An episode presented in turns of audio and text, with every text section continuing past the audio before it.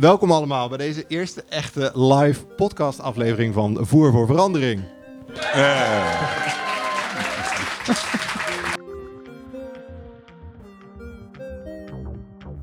Je luistert naar Voer voor Verandering, een podcast van Drift. Praten we in deze tijden van chaos en transitie wel genoeg over stoppen en minderen? En hoe voer je dat gesprek? In dit seizoen gaat Wouter Mulders met collega's op zoek naar antwoorden op deze vragen. Want wat is nou goede afbouw?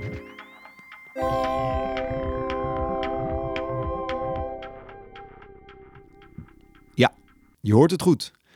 In deze laatste aflevering van dit seizoen ga je luisteren naar een registratie van ons allereerste live podcast-event. In een goed gevuld Theater Walhalla in Rotterdam ging ik in gesprek met Marije van den Berg en Dirk Loorbach. Allebei hebben ze veel te vertellen over afbouw en afbraak en stoppen. Welke goede en slechte voorbeelden kennen zij? Hoe staat het er eigenlijk voor met het afschaffen van fossiele subsidies? En wat is de rol van de gemeenschap in deze fundamentele verandering? Nou, dat gesprek hadden we niet alleen met z'n drieën, maar ook samen met jullie, het publiek van Voer voor Verandering. Dus allereerst even een idee van wie er in de zaal zat en wat jullie met het onderwerp afbouw hebben. Nou, ik, ik sta eigenlijk op het punt om te beginnen met eraan te werken. Ik, eh, eh, mijn achtergrond is in design. En ik eh, werk vooral aan de eiwittransitie. Dus hoe we van eh, dierlijk naar voornamelijk plantaardig kunnen gaan in ons dieet en productie. Eh, ik ben actief lid van Volt en ik eh, ben bezig met ja, eigenlijk wat voor radicale keuzes zijn er nodig om richting toekomst te bewegen. Ik werk aan het eh, uitfaseren van aardgas in eh, Nederland. en eh, ja, daar komen we ook wel de rouw tegen. Politico's, designers, onderzoekers, ambtenaren, ze waren er allemaal. En er hing genoeg gesprekstof in de lucht. Over radicale keuzes maken, stoppen bij de overheid en ja, ook weer dat belang van rouw en afscheid nemen. Over naar het gesprek. we beginnen met ehm, Dirk Loorbach. Eh, Dirk is hoogleraar sociaal-economische transities. Hij is ook de directeur van Drift. Hij is dus ook mijn baas. Ja, ik ben benieuwd wat je nu gaat zeggen. Dus ik wilde zeggen, dit kan nog een functioneringsgesprek worden, maar dat moeten we maar zien. Ehm, en Dirk, eh, toen ik 3,5 jaar geleden bij Drift begon, toen had jij het nog heel veel over het ministerie van Afbraak. Volgens mij wilde je zelfs minister worden van het ministerie van Afbraak. Maar de laatste tijd hoor ik je daar iets minder over. Ehm, kun je daar iets over vertellen? Nou, volgens mij heb ik het er überhaupt niet zo heel veel over gehad. Ik heb het ge- ge- geïntroduceerd als een, eh, deels als een geintje, eh, als een soort eh, aanleiding om het over afbraak te gaan hebben tijdens mijn oratie. Dus dat eh, is de reden die je houdt als je hoogleraar wordt. In 2014.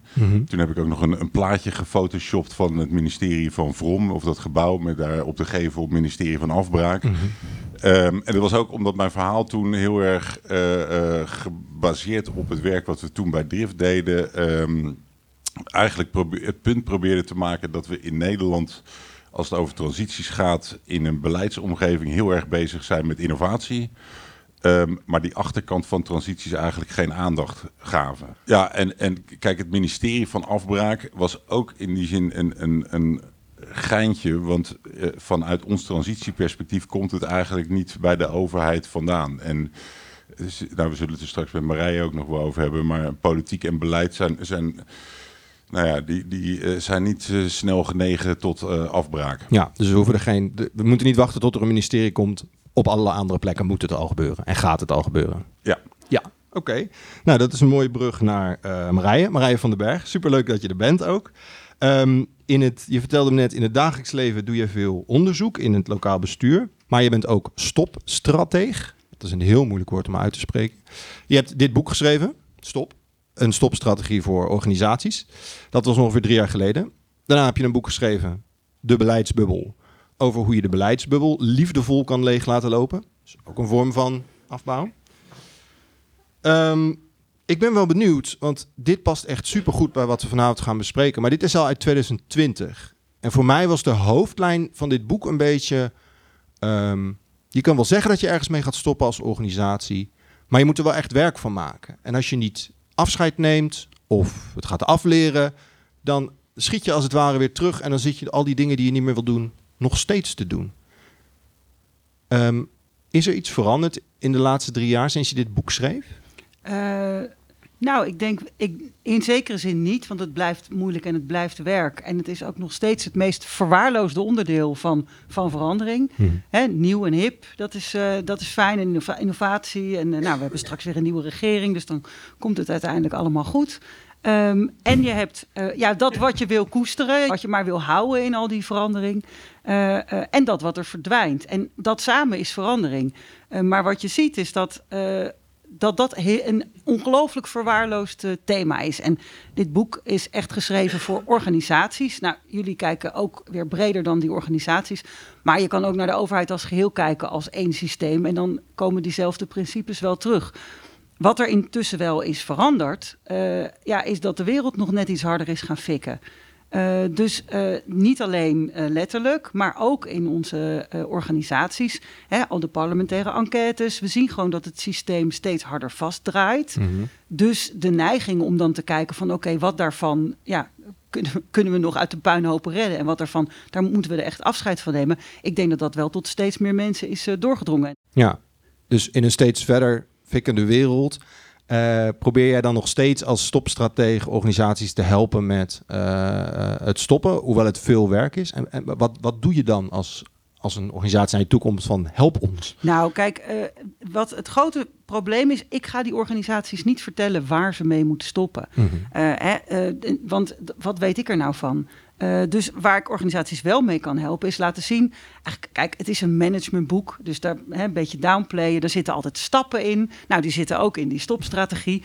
Uh, maar eigenlijk gaat het over het nadenken over aan welke aspecten van stoppen kan je nou allemaal aandacht besteden. Nou, net ook in het voorgesprek kwam ook al heel duidelijk dat afscheid nemen uh, naar voren, rouwverwerking, een ritueel afscheid. Nou, dat is bijvoorbeeld al iets wat we vergeten en wat we een beetje besmuik doen. Um, maar wat bijvoorbeeld ook heel uh, belangrijk is, is uh, hè, als je het dan hebt over radicaal afbreken of wat preciezer stoppen, is dat we veel beter moeten worden in het preciezer bepalen waar je nou mee moet stoppen. Toen ik begon met het boek dacht ik, ja, waar moet je mee stoppen nou, waar we allemaal op leeglopen. Mm -hmm. Waar je, weet je, mag ik naar huisachtige gevoelens bij krijgt. en uh, dat blijkt voor heel veel mensen niet vanzelfsprekend over hetzelfde te gaan. Hè? Neem bijvoorbeeld uh, uh, een, een, ingewikkelde declaratieregeling in een organisatie. Nou, Sommige mensen gaan daar heel goed op. Ja, ja, ja. dat ten eerste. Hè, dus er zit ook altijd een waarde in die je op een of andere manier als kind uit badwater moet, uh, moet redden. Maar sommige mensen vinden dat irritant, omdat het bijvoorbeeld een heel ingewikkeld computersysteem is, wat ze dan elke keer maar weer moeten aanzetten. En nou, dat is irritant. Andere mensen vinden dat dat declaratiesysteem systeem staat voor een gebrek aan vertrouwen dat zij met die paar tientjes heus wel goed om weten te gaan. Dus dan voel je al dat als je zegt, ja, we gaan stoppen met het declareren, of daar kunnen we daar eens mee ophouden. Nou, hetzelfde geldt bijvoorbeeld voor tijdschrijven in de zorg. Dat staat op heel veel verschillende, in heel veel verschillende subsysteempjes voor heel veel verschillende waarden en logica's. Dus als je daar dan mee wil stoppen, ja, dan moet je heel precies kijken wat heb je nou schoon te maken op welke plek. Gaat het om een beleidsregel? Gaat het om een computersysteem? Gaat het om overtuigingen? Gaat... Ja, en, want dus het tijdschrijven in de zorg is, is uh, ik heb dat volgens mij in je boek gelezen, is al drie keer afgeschaft, maar het komt elke keer weer terug. En jij zegt dus eigenlijk, als je niet precies bent over wat je stopt, gaat het computerprogramma weg, gaat de regel weg, gaat de, de, de waarde erachter weg, dan, dan wordt het hem niet. Is dan, dat plopt, je... dan plopt het weer terug. Ja. Um, en we moeten niet vergeten, afschaffen, uh, dat is nog niet afleren. Dus hè, net als dat je nou, in, in je privéleven zijn, ben je wel eens gestopt met een slechte gewoonte, met roken of zo. Dat kun je wel op een dag besluiten. Dan, wordt het pas moeilijk. Pas. Ja. Nou, en, dat, en die fase, dat is een hele ingewikkelde fase. Daarom is die de leukste. Dat is de fase eigenlijk na het afscheid. Nadat hebben we gezegd, we stoppen met tijdschrijven in de zorg bijvoorbeeld. Convenant, uh, staatssecretaris erbij. Iedereen handtekening onder. Ja, paarse krokodil in de fik, dat soort dingen, ritueel. Mm -hmm. En dan begint het. En als je dan niet onderkent dat zo'n, nou, dit is een vrij eenvoudig voorbeeld, op heel veel plekken gefixeerd zit in je werk, de accountant vraagt erna. Als je moet rapporteren over je werk, moet dat in vijf minuten. Uh, uh, roosters worden op die manier ingedeeld. Ik noem maar iets, hè. Ja. Um, als je dat niet van tevoren met elkaar weet, van we gaan dus op heel veel plekken tegenkomen dat we het toch weer gaan doen, dan worden mensen cynisch en teleurgesteld. Ja. En dat zie je natuurlijk. Dus, dus je, als je zegt we stoppen ermee, stoppen heeft een hele hoge bewijslast. Want in je eentje kan je nog denken, nou, ik ben toch niet gestopt met joppie chips. Maar als je met een groepje Mhm. bent en één iemand gaat ermee door, is het niet gestopt. Ja. En dat betekent dus dat je als je eh, in een club, of dat nou een heel land is, of zelfs een hele wereld of een organisatie ergens mee wil stoppen, ehm, dat iedereen dat ook moet doen. Ja, ik heb een mooi voorbeeld inderdaad. We, zijn eh, vanuit Drift ook veel met de gemeente op mobiliteit aan het doen in, in Rotterdam. Of althans eh, eh, tot dit college. Ehm, en een van de mooie ontwikkelingen is het parkeren op straat stoppen. Nou wordt er nog steeds heel veel op straat geparkeerd. Maar we weten allemaal dat het eigenlijk natuurlijk waanzin in is. Al dat blik in de publieke ruimte. Maar toen is er vanuit een soort ondernemende ambtenaar... eh, eh, op een gegeven moment een proces gestart om eh, aan ondernemers te vragen: wil je eens experimenteren met twee, drie weken je parkeerplaats voor je deur? De- maken we er een tuintje van, of een, een terrasje, of een, een, een pa- fietsparkeerplaats. Kijken of je omzet de parklet. gaat. Even kijken of je het wat vindt. En, en als je na drie weken niks vindt, haal hem weer weg. En, en, en 99% wilde hem houden. En daar is toen mee geëxperimenteerd. Met een sociale werkplaats maakt die parkeervlonders. Ehm, en met corona is het nog een keer eh, eh, verdubbeld. En zijn er allemaal circulair eh, gemaakt. Eh, maar inmiddels zijn er ruim 5000 parkeerplaatsen van straat gehaald. En is ook door Stadsbeheer, wordt nu als de straat opnieuw wordt ingericht, worden ze permanent gemaakt. Ja, super. Dus Het is toch goed dat jij je dan reclame voor de gemeente Rotterdam maakt met dit voorbeeld. Dat is hartstikke fijn, want die hadden we ook in de zaal. dat is helemaal toeval. maar wat ik mooi vind aan dit voorbeeld is... ehm, eh, dat is eigenlijk, eh, zoals eh, eerder in de podcast werd genoemd... het is een, een soort... ehm, eh, niet erin rommelen, maar het is eigenlijk binnensmokkelen. Want je zegt, je legt de focus niet op... die parkeerplaatsen gaan weg. Je biedt een ander alternatief aan. Een bepaald perspectief van... er is een mooi... Je kan er een mooie parklet neerzetten. Ja, je focust juist meer op de Eigenlijk opbouw. stoppen door op te bouwen. Ja, maar, maar wel vanuit een duidelijke stopagenda. Ja, Alleen eh, eh, op het moment dat je eh, eh, tegen mensen gaat zeggen... we gaan je parkeerplaatsen eh, weghalen... Dan, dan, Ja. eh, maar dan moet je het dus een beetje experimenterend brengen. We gaan er eens een keer mee, mee uitproberen. En dan krijg je mensen... Nou, en je laat direct al zien mee. wat ze terugkrijgen voor de parkeerplaats. Dat bedoel ik Ja. meer. En dat is ook iets reëels. Heb jij, Marije, heb jij bepaalde voorbeelden uit het verleden of die nu aan de hand zijn van dat is nou echt een succesvol stoppen of een slim groot stopproject wat je kent? Nou, wat ik echt, eh, waar ik heel positief over eh, ben, en dat, eh, dat is, gaat over ruimte voor de rivier. Dat kenden sommige mensen wel als echt een, nou, een van de weinige echt grote gelukte overheidsprojecten. Waarin dus na die grote overstroming in de jaren negentig gezocht werd, nou, hoe kunnen we nou al dat water, als het weer komt, op een goede manier ergens kwijt dat is een stopproject geweest in die zin dat dat dus ging over eh, nou, boeren die moesten verplaatsen, eh, landbouwgrond wat weer teruggegeven werd aan de natuur. Dus dat is echt wel een, een af- afbraakproject. En wat zij daar zo eh, slim hebben gedaan is iets en dat, nou, dat, dat, dat kun je ook in je eigen werk misschien wel gaan gebruiken. Dat heet het omwisselbesluit. En wat ze hebben gedaan is ze hebben verstandige keuzes gemaakt. Dus ze hebben gekeken, nou, veiligheid, kosten, noem maar op, natuurwaarde, criteria gemaakt. En gezegd, oké, alles afwegend gaan wij deze polder laten, laten onderlopen. Mhm. Dat is ons besluit. En vervolgens hebben ze gezegd, maar we gaan het pas over een paar jaar uitvoeren. En de partijen in deze omgeving die daarmee te maken hebben, hebben dan in de tussentijd de gelegenheid om een nog beter plan te maken. Waarbij dus er zowel een soort bestuurlijke stevigheid is en echt een keuze om op terug te vallen.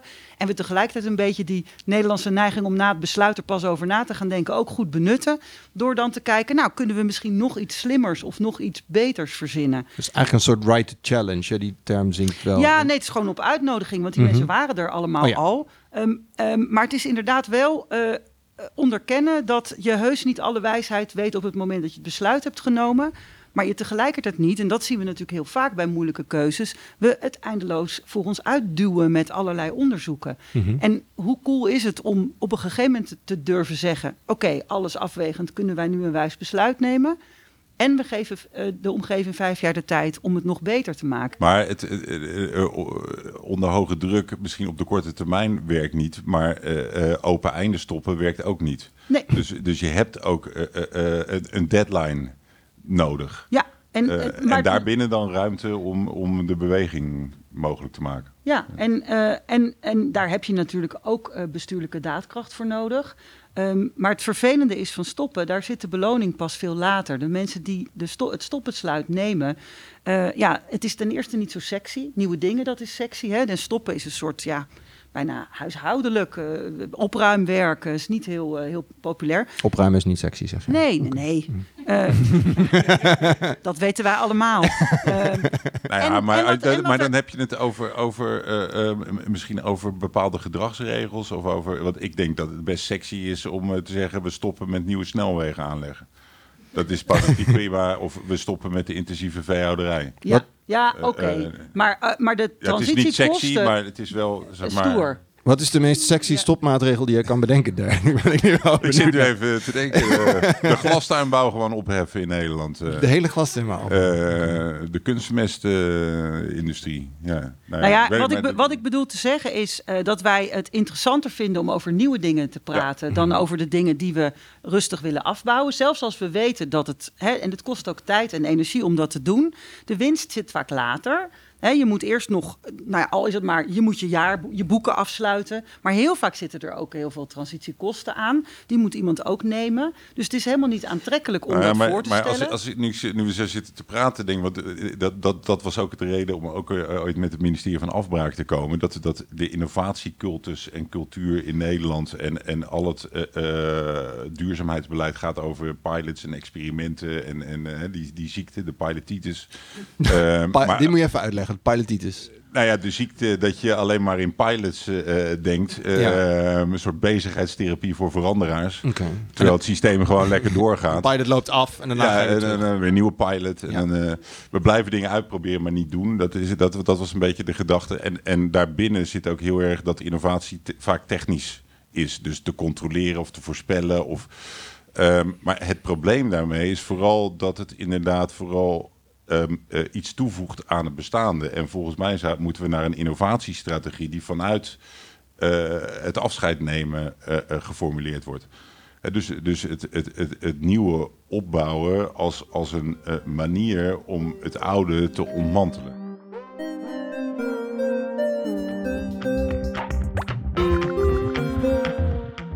We hebben recent ook een hele discussie gehad in het financiële systeem. En eh, ja, ik roep ook wel wel eens, de, de BV Nederland heeft geen exit-strategie. Maar de, onder heel veel eh, eh, eh, sectoren ligt een economisch model waarin eh, eigenlijk de hele tijd eh, eh, eh, winst gemaakt moet worden eh, om eh, door te kunnen gaan. Dus er moet eigenlijk de hele tijd rendement gegenereerd worden om door te kunnen investeren, om de volgende stappen te kunnen maken. En daar, daar, daar komen we niet vanaf zolang die onderliggende financiële logica eh, Ja. niet Ja, verdwijnt. En dat is in de zorg zo, maar dat is ook in eh, de, de energiesector. Daar, daar eh, hebben we ook industriële clusters waarin geïnvesteerd is.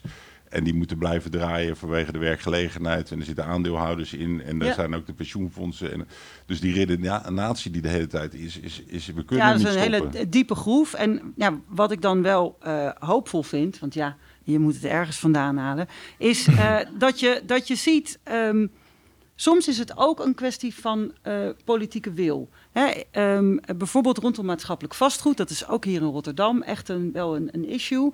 Eh, daar hebben we ooit bedacht dat het vastgoedbedrijf van de gemeente winst moet maken, of in ieder geval opbrengst moet hebben.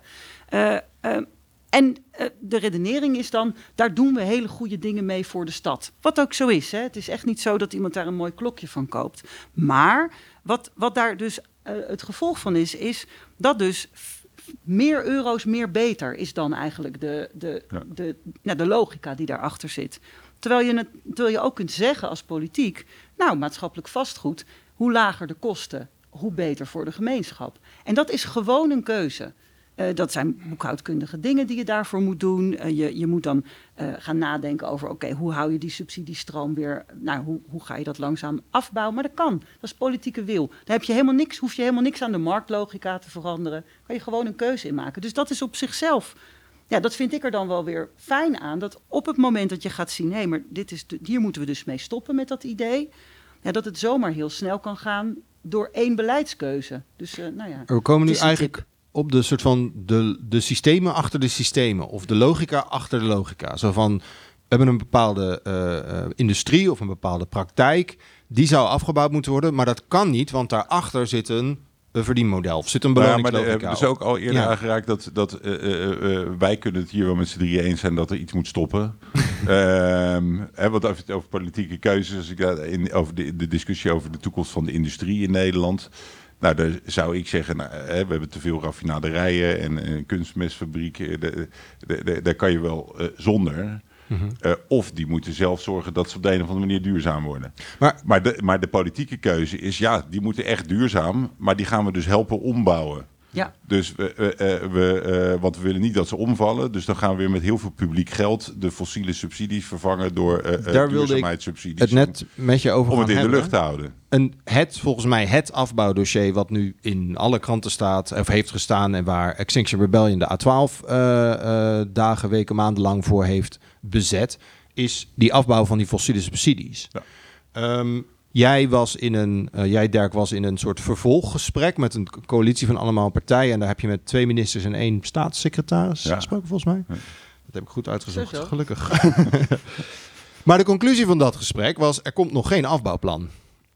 En net zeg jij, Nou, Eh, het, het, het ligt genuanceerd. Dus eh, de winst die, die mede dankzij de activisten eh, behaald is, is dat er nu eh, echt, en, en ambtenaren eh, bij de ministeries, eh, ehm, dat, er, eh, dat er echt een heel serieus overzicht nu ligt van alle fiscale regelingen ter bevordering van eh, fossiele productie en consumptie. Laat ik het zo maar even.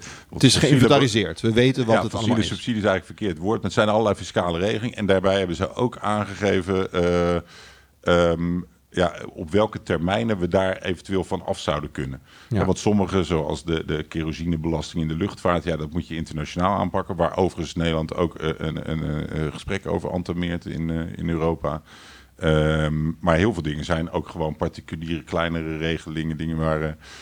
ehm, en dat is nu echt politiek gemaakt. Dus eh, eh, Ja. er ligt nu een, een, een, een kennisbasis en een feitenbasis voor volgend wanneer. kabinet om daarover na te denken. Maar eh, ja, je zou theoretisch ook ehm, eh, van die fossiele subsidie tussen aanhalingstekens af kunnen door de energiebelasting voor huishoudens te verlagen.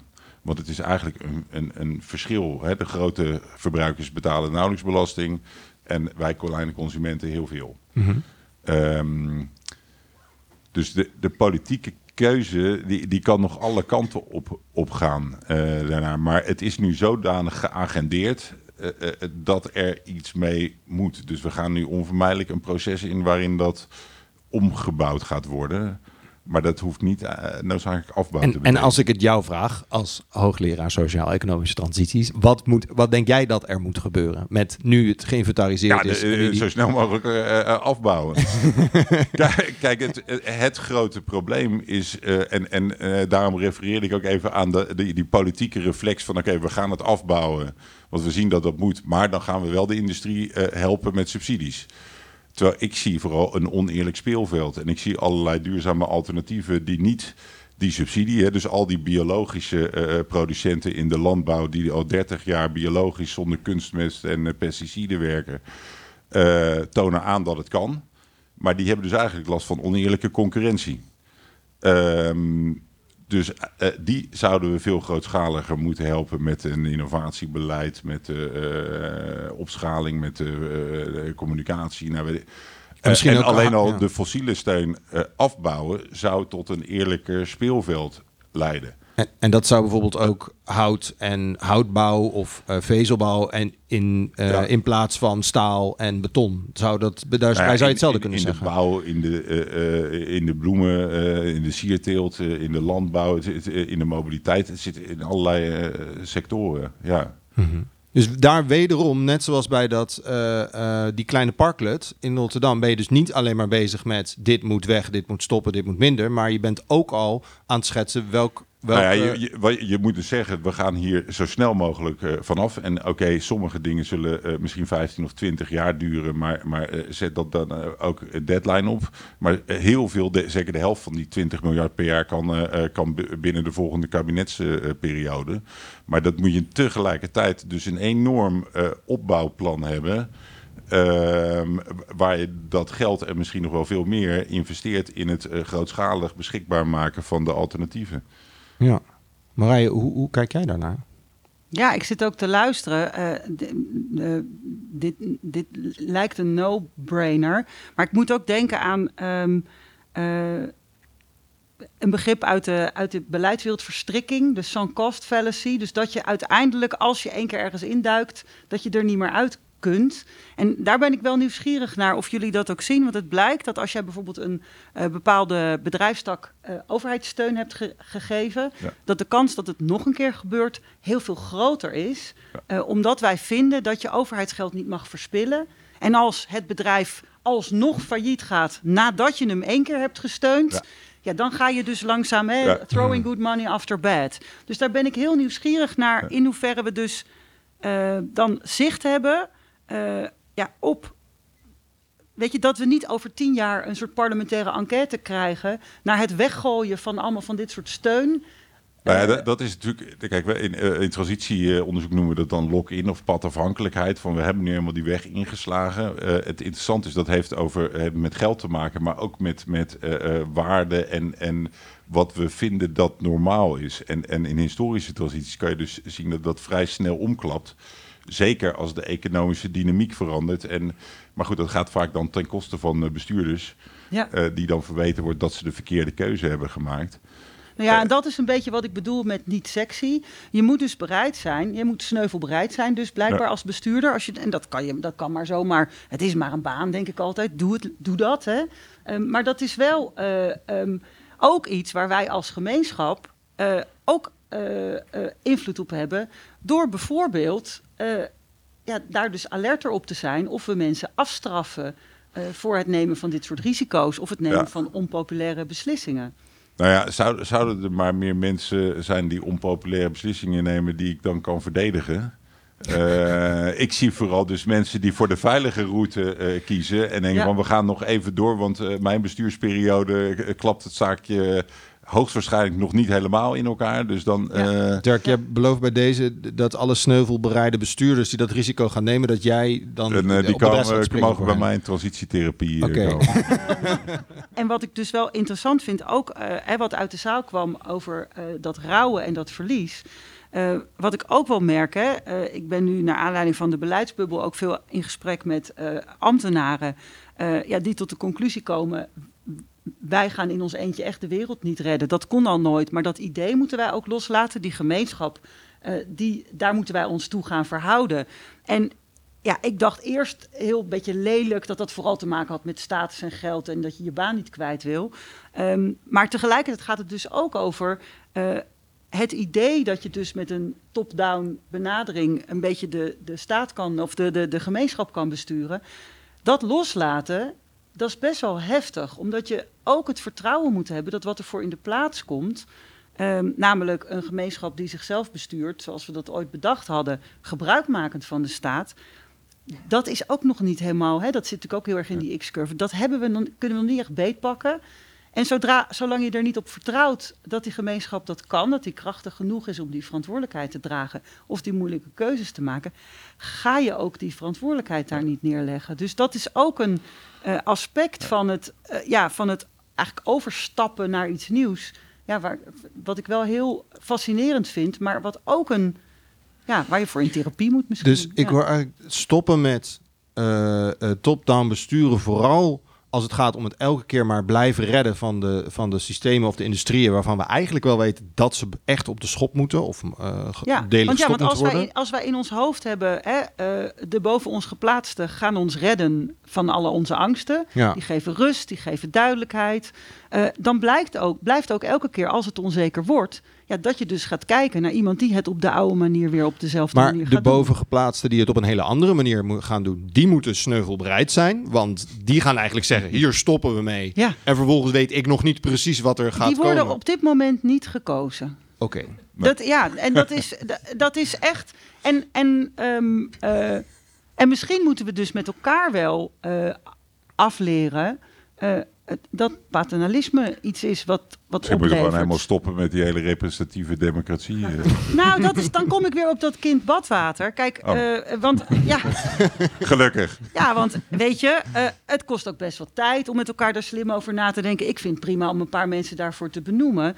Ehm, maar ook het interessante wat jij zegt over die, dat afbouwen, dat het dus ook heel erg in de systemen en logica zit. We hebben ook heel veel mensen nodig die juist in die systemen eh, wetten maken en beleidsregels maken die ons gaan helpen om af Ja. te bouwen. Nou, Eh, gelukkig zie- zien we dat ook wel. Hè. De la- de laatste tijd is er veel aandacht voor activistische ambtenaren of de normatieve professional.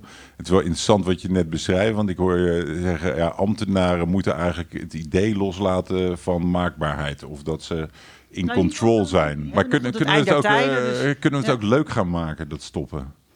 ehm, nou, dat weet ik eerlijk gezegd niet. Want ik Oh, denk. dat hoeft misschien ook niet. Nee, ik denk ehm, eh, dat, eh, eh, dat het. Kijk, als het serieus. Kijk, even uitzoomend. Het SCP heeft begin van dit jaar een rapport uitgebracht. Eigentijdse o- ongelijkheid. Een derde van de Nederlanders valt tussen een of ander wal eh, of een of ander schip. Mist eh, kapitaal, mist eh, een huis, mist gezondheid, mist eh, sociale de omstandigheden om iets van zijn leven te maken. En heeft ook niet meer de verwachting dat het ooit nog beter moet. Dat gaat om een derde van de mensen. Dat is echt serieuze shit waar we het dan over hebben. Dus, eh, en dat hebben we gedaan met al het beleid wat we hebben. Blijkbaar was dit de bedoeling, zeg ik dan maar. Ehm, In dus- dit gave landje. ja, precies. Dat is Stafford Beer al uit de jaren 50. Pose with the purpose of a system is what it does. Dus dit zijn de uitkomsten van wat we nu met elkaar gemaakt hebben. Nou, ook als we kijken naar, naar de staat van de aarde. Dit was blijkbaar de bedoeling. En als we dat tot ons door laten dringen, dan mag je daar best een beetje buikpijn van krijgen. Of verantwoordelijkheid voor voelen.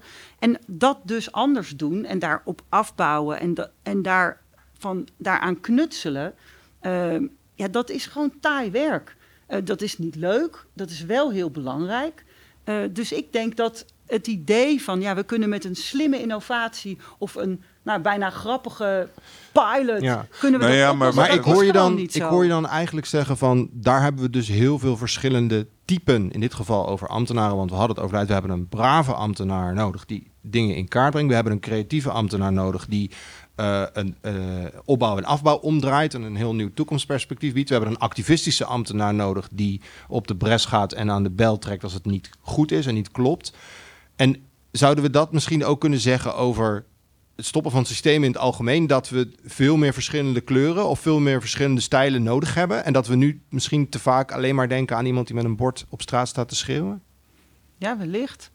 Als het het meest verwaarloosde onderdeel is van verandering... en het dus over al die systemen... of het nou een ecosysteem is of een organisatiesysteem... of een politiek systeem is...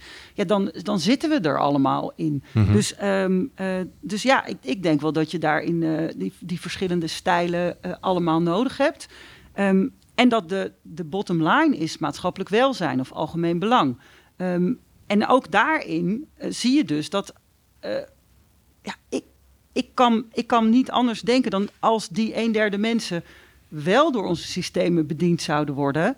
eh, dat vinden heel veel mensen die nu in die twee derde zitten, voor wie het allemaal wel eh, eh, lukt, dikke prima. Ik denk dat datzelfde geldt voor de aarde.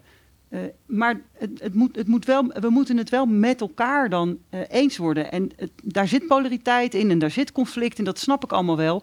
Maar het idee dat je dus elke keer een deel van, van, ja, van de belangen eruit kan lichten... en dan ergens op een top zetten en die gaat dat dan weer even down duwen... Ja, ik denk dat we van dat idee echt eh, afscheid moeten nemen en moeten kijken, oké, hoe kunnen we dat democratisch doen? En dat betekent dus dat die oude stijl van ja, het een beetje, nou ja, weg laten ebben en stiekem doen en vooral niet je tegenstanders wakker maken, ja, dat dat wel een beetje uitgewerkt is. Want het komt toch uit en het gaat over grote dingen, grote belangen. En eh, we moeten ons denk ik realiseren dat degene die die belangen nu al hebben, eh, dat die het in ieder geval al voor zichzelf. Nou, eh, en aan ik denk dat, zijn. dat, dat eh, eh, ik zie het wel politieker. Ik denk dat er gewoon hele geconcentreerde belangen zijn die nooit vrijwillig zullen willen stoppen. Dus waar, waar gewoon echt een hele hoop kritische massa gemobiliseerd moet worden. En ik denk dat dat wel aan, het positieve, aan de positieve kant zou moeten. Want anders krijgen we mensen niet massaal mee. Maar vervolgens zal er echt maatschappelijke druk nog meer nodig zijn om echt afscheid te gaan nemen. Ja, Ik, ik, ik krijg signalen, Wouter. Ik denk dat dit een heel goed eh, moment we- is om eh, door te gaan naar... Nee, om te stoppen. Om te stoppen. ja, Kappen nou. Slaar. Ehm, we gaan stoppen. En daarna gaan we iets nieuws doen. En dat is publieksinteractie. Namelijk de vragen uit het publiek. Precies stoppen. Parklets. eh, pilotitis. Het zijn goede aanleidingen om het eens over de oorzaken achter de oorzaken te hebben. Van dat gebrek aan goede afbouw. Want waarom zien we daar zo weinig van? Marije en Dirk die hebben daar wel verklaringen voor. Eh, omdat we vastzitten in een economisch model van continue winst omdat bestuurders en veranderaars te snel worden afgestraft voor het nemen van risico's. En dat we maar moeilijk het idee kunnen loslaten dat we alleen met beleid de wereld niet gaan redden. Het prikkelde ons publiek en dat leverde ook weer mooie vragen op. We kunnen er maar een deel van laten horen, maar deze twee vormden echt een geweldige afsluiting van de avond. Ja, ik hoorde Marije net het toverwoord zeggen gemeenschapsgericht. En daar ga ik op aan. lekker. Want eh, ik hoor heel veel eh, in de discussie rondom afbouw en transitie gaat het heel vaak over moeten. En hè, we moeten veranderen, we moeten dit en dat. En ik ben gewoon benieuwd naar wa- wat is jouw perspectief op hoe, hoe kan gemeenschapsgericht werken?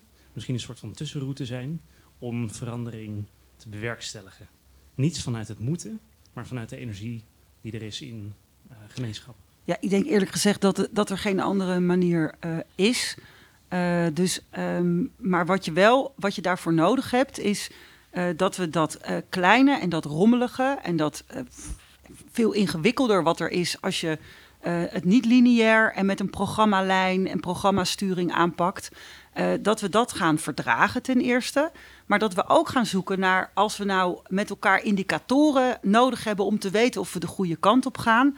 Ja, dat we ook die indicatoren, dus dat we de, de mensen om wie het gaat, neem zo'n buurt waarin een warmtenet moet komen en ook iets met groen en ook iets met werkgelegenheid en al die koppelkansen die er achterweg komen.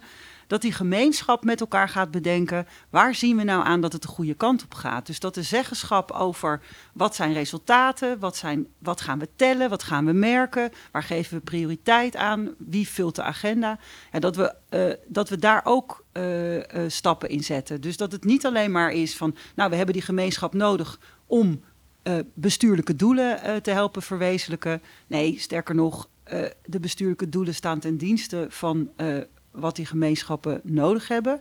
Ehm, en dan moeten we ook niet te romantisch over doen. Eh, want je moet het dan dus ook doen met die klaphark van een buurman. Hè? En hoe ga je dat dan? Dus daarom ben ik heel blij eh, dat er ook nog zoiets is als vertegenwoordiging. Want als het conflict echt spannend wordt, dan moet je dat natuurlijk niet meteen wegtrekken uit daar waar het spannend is. Maar sommige discussies moeten we wel een soort sublimeren naar ja, eh, politieke discussies. En dan kun je het ook wegtrekken bij die persoonlijke strijd die er eh, bijvoorbeeld tussen straten zou, eh, zou kunnen ontstaan. En daar moeten we wel voorzichtig mee zijn, want dat, ja, dat, dat zorgt er ook voor dat het minder krachtig wordt daar. Maar ik denk dat we als we daar beter in worden, dus dat we veel meer kijken wat, nou, wat is er in een wijk bijvoorbeeld nodig en welke dilemma's spelen daar, kunnen we dat verdragen? En wat kan een volksvertegenwoordiging bijdragen aan het ja, beter uitknobbelen van dat conflict? Ja, dan denk ik dat die transities eh, beter gaan. Of gewoon gaan. Want even heel praktisch, hè, achterkant bierveeltje. Tot 2030 moeten er geloof ik 2,5 miljoen huizen van het gas af.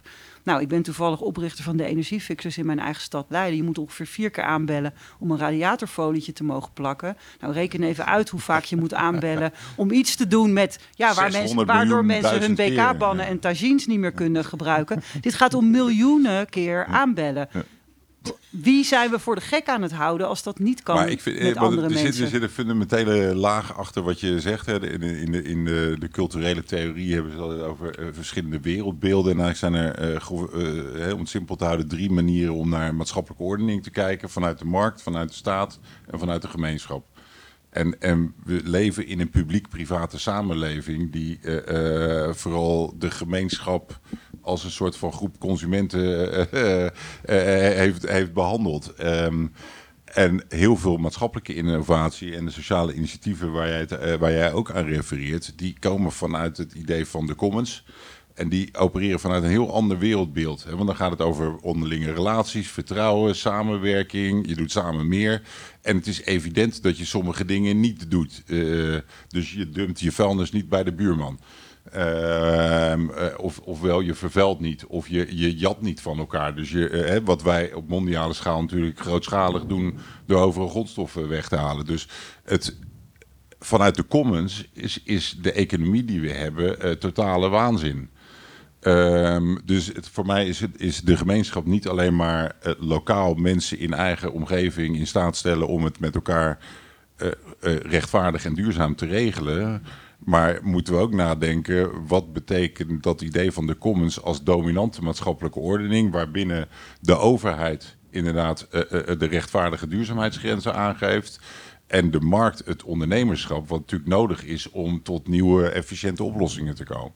Maar dat is een hele andere hiërarchie tussen die drie krachten eh, waar we Ja. eh, naartoe moeten. Ja, en het, en het leuke vind ik dat, dat, we, dat we dus nog niet zo goed weten hoe we dat moeten doen. Want we Nee, hebben maar ja, heel... dat is, daar, daar ja, zitten we. dat leuk is, toch? Leuk, ja. nee, ja. nee, ik vind het ook leuk. Ja, nou, in ieder geval moeten we de dominantie van publiek-privaat eh, afbreken. Ik, ik zat even aan de controle te denken. Hè, dus gewoon over geld. Jij begon er net ook al even over. Eh, maar volgens mij is het niet zo heel veel verschillend als je dit soort veranderingen wil doen. Of je je aan je aandeelhouders moet verantwoorden over hoe je dat financieel gaat doen. Of aan je gemeenteraad gaat uitleggen van... eh, nou, ik vind het een mooi traject wat u uitstippelt, maar wat gaat het kosten? Kunnen wij een business case zien? Hè? Hoe, hoe ga je met dat controle, financiële onderbouwing eh, van deze transities om? Wat denk ik ook nog meespeelt, is dat we ook wel eh, spelen dat het in euro's uitdrukken een soort neutrale manier is van naar de wereld kijken. Ja, daar dat moeten we stoppen. Maar dat- kijken door een rietje eh, is. En eh, dus, dus hè, als je woorden als business, maatschappelijke business case en business, allemaal prima. Ik leer van Nikki Pauw heel veel. Zij is een econoom uit, uit Amsterdam die welzijnseconomie eh, eh, eh, eh, ja, eh, bedrijft. Eh, en zij, ik heb haar een keer geïnterviewd en ze zei ja, dat monetariseren in euro's, daar moeten we echt mee, eh, mee stoppen. Maar eh, als je van Excelletjes houdt, dan kan je nog steeds ook wel dingen tellen hoor. Bijvoorbeeld dingen die je belangrijk vindt of die je onbelangrijk vindt, kun je prioriteren. Nou, dan geef je er een getal aan en dan kun je het gewoon weer in een Excel zetten. Dus als je dat lekker vindt, kan dat. En dat, ma dat maakte mij heel rustig in het idee, ja, je wil toch, hè, je wil op een of andere manier wel met modelletjes werken om die chaotische werkelijkheid een beetje te, nou, te kunnen eh, eh, eh, ordenen. Ehm, en dat je dan dus, hè, ik noem dat modellenmacht, dus dat we met elkaar eh, gaan kijken, eh, hoe zorg je ervoor dat de mensen die, er, die de zeggenschap en de verantwoordelijkheid en ook de effecten van beleid en beleidsbeslissingen merken, ja, dat die ook modellenmacht hebben. Dat die dus ook ja, niet in een model gezogen worden wat hen niet past, maar mee, en dat, daar werkt zij aan, dat heet het eh, welzijnsdashboard. Moet je maar eens googlen in Vensterpolder in Amsterdam. En ja, dat is dus en een hele fijne manier van, van tellen en meten.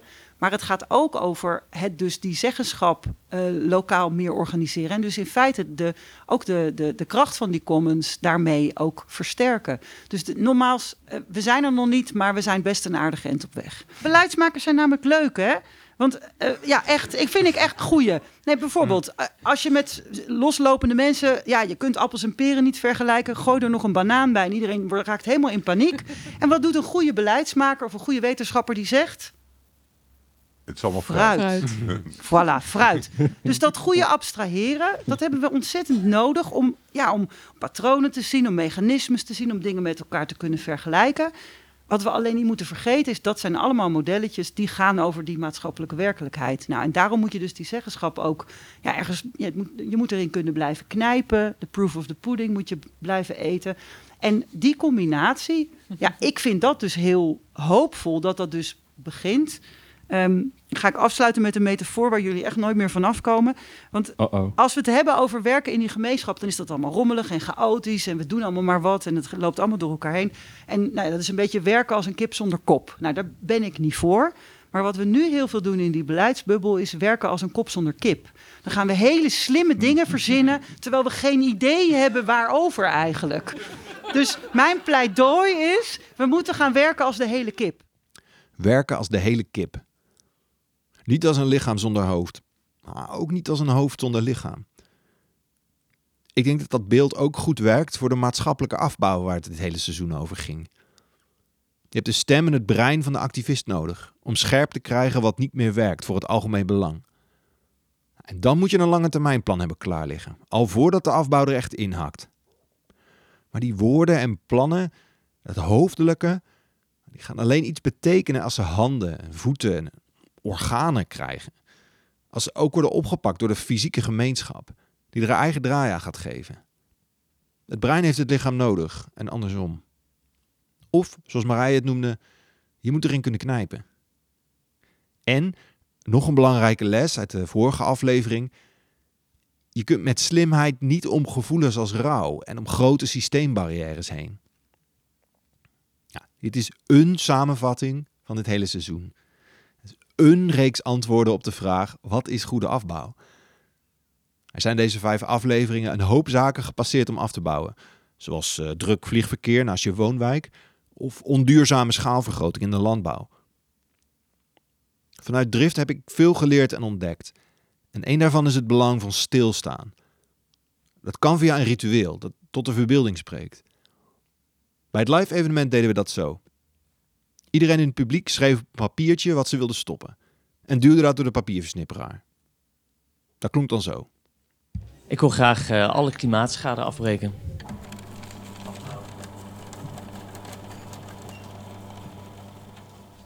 Armoedebeleid. De vijfdaagse werkweek. Misschien is het goed om dat vandaag ook even voor jezelf te doen. Blaadje, woord erop, door de shredder ermee. Of gewoon versnipperen. En dan stilte. En daarna bij een volgende gelegenheid gewoon op een drifter of een andere transitiemaker afstappen met de opener. Ik wil deze en deze afbouw zien. En jij? Vanuit drift hopen we er snel met je verder over te praten. Het afbouwen gaan we. For better or for worse. Je luisterde naar Voer voor Verandering. Dit seizoen werd mede mogelijk gemaakt door het Erasmus Trust Fonds. Wil je niets missen? Vergeet je dan niet te abonneren. En wil je meer weten over transities? Ga dan naar drift.eur.nl.